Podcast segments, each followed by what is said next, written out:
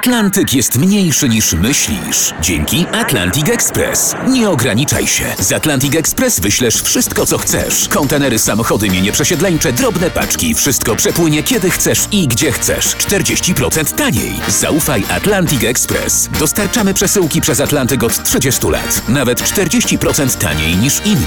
Dzwoń 1 800 775 73 63. Ekspresowo przez Atlantyk. Tylko z Atlantic Express. Każda nacja ma swój super melodramat. My trendowatą, napisaną przez Helenę Mniszek, a sfilmowaną trzykrotnie jako obraz niemy z Jadwigą Smosarską w roli tytułowej w 1926 roku, z Elżbietą Barszczewską w roku 1936 i Elżbietą Starostecką w 1976. Świat nie zna naszej cudownej opowieści o tragicznej miłości skromnej guwernantki Stefci Rudeckiej i możnego Waldemara ordynata Michorowskiego. Zna natomiast, i my rzecz jasna go znamy, super melodramat, któremu na imię Dama Kameliowa. Wyszedł on spod nieco lepszego pióra, bo Aleksandra Dumasa, syna. Zanim dama kabeliowa trafiła na ekran, a trafiła nie raz, wiodła ona oraz jej twórca życie nad wyraz, urozmaicone, burzliwe, zaskakujące, wręcz szokujące. Dlaczego dama kameliowa? Bo uwielbiała ten piękny i egzotyczny kwiat, oficjalnie i naukowo Camellia sinensis, który jak żadna inna roślina reaguje wyjątkowo silnie na wszelkie zmiany, więc roślina wymagająca i wrażliwa. Za to kwitnie o porze niezwykłej, zimą i wczesną wiosną. Nie bez przyczyny Aleksander Dumas syn uczynił ze swej bohaterki damę kameliową. Ponieważ powieść ta jest w znacznym stopniu powieścią autobiograficzną, warto poznać najważniejsze i najciekawsze fakty z życia autora, jego rodziców i najbliższego otoczenia. Aleksander był dzieckiem nieślubnym. Ojciec, sławny pisarz, autor tak poczytnych po dziś dzień romansów historycznych jak Trzech Muszkieterów, Hrabia Monte Cristo czy Królowa Margot, miał niezliczoną ilość kochanek.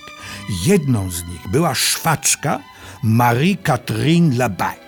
To ona urodziła mu w 1824 roku syna, któremu nadano imię ojca Aleksander.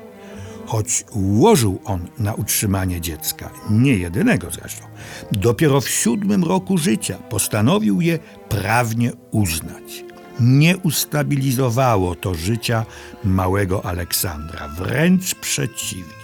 Rodzice odwiecznym obyczajem wyrwali go sobie z rąk. Chłopiec był świadkiem żenujących scen między rodzicami. Wreszcie wylądował w internacie. Chodził do wielu szkół, narażony na różne szykany, przede wszystkim ze względu na swe pochodzenie z nieprawego łoża.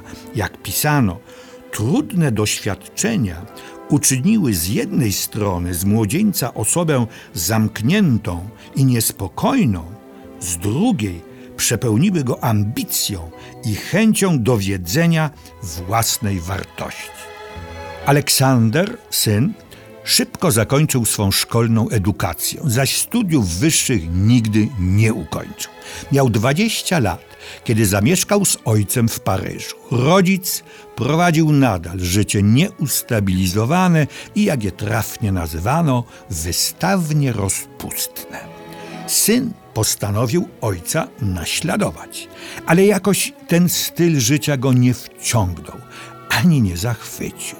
Jak później napisał, nie gustowałem w tych łatwych przyjemnościach. Nie tyle brałem udział w tym zgiełkliwym życiu, ile obserwowałem je. A dodajmy zaraz, był znakomitym, bystrym i wnikliwym obserwatorem, nie tylko obserwatorem. Odziedziczył bowiem po ojcu nieprzeciętny talent literacki, choć miał inne zainteresowania pisarskie. Ojciec zasłynął jako twórca pisanych ze swadą i fantazją opowieści Płaszcza i Szpady. Syn, zbuntowany i bezkompromisowy, dostrzegał i opisywał trudne, dramatyczne, tragiczne losy swych współczesnych. To w otoczeniu ojca spotkał i poznał jedną ze znanych wówczas w tym środowisku, jak je nazywano, kobietę utrzymywaną, czyli kurtyzanę Marie Duplessis. Była już wtedy ciężko chora na gruźlicę i wkrótce zmarła. To jej los, ale także innych kobiet utrzymywanych z własną matką włącznie, posłużyły Aleksandrowi Dumasowi za kanwę pierwszej powieści, jaką napisał i jaka w 1848 roku się ukazała. Jej główną bohaterką jest niejaka Małgorzata Gautier, kiedyś szwaczka, tak jak matka autora. Teraz wytworna kobieta utrzymywana, chora na gruźlicę, jak wspomniana autentyczna kurtyzana Marie Duplessis, w której zakochuje się młody szlachcic Armand Duval. Powieść cieszyła się dużym powodzeniem, ale furorę zrobiła dopiero jej adaptacja sceniczna. Trzeba też pamiętać, że teatr stanowił wtedy i przez wiele następnych lat centrum życia artystycznego i towarzyskiego, co bardzo trafnie oddał Dumas syn w Damie Kameliowej. Pisarz stał się nie tylko sławny, ale i fantastycznie bogaty, co, proszę zauważyć, pozwoliło mu w pierwszej kolejności spłacić długi matki. Potem pieniądze przeznaczał i na inne cele. Aleksander Dumas syn był twórcą jednego z podstawowych gatunków scenicznych komedii obyczajowej. Nie forma była jednak najważniejsza, choć posługiwał się nią po mistrzowsku, ale treść. Jak to trafnie ujęto, obsesją tego pisarza jest rozkład społeczny spowodowany złą organizacją rodziny. Potępia Dumas pieniądze, które deprawują małżeństwa, obyczaje, które rozkładają rodzinę. Potępia wychowanie, które nie przygotowuje ani mężczyzny, ani kobiety do obowiązków rodzinnych. Przesądy, które wyrokując o błędach, nie uwzględniają ani nieświadomości, ani skruchy. I konkluzja. Dumas był moralistą, ale moralistą niezwykle nowoczesnym i liberalnym, znacznie wyprzedzającym ciasny sposób myślenia swych współczesnych, potrafiącym wykorzystać trudne doświadczenia własnego dzieciństwa. Czy tylko swego dzieciństwa? podobnie jak jego ojciec, mimo tylu nieraz gorzkich doświadczeń, wplątywał się nieustannie w rozliczne romanse i awantury. Jedną z najgłośniejszych był jego efektowny romans z żoną ambasadora Rosji. I tu, uwaga, akcent polski.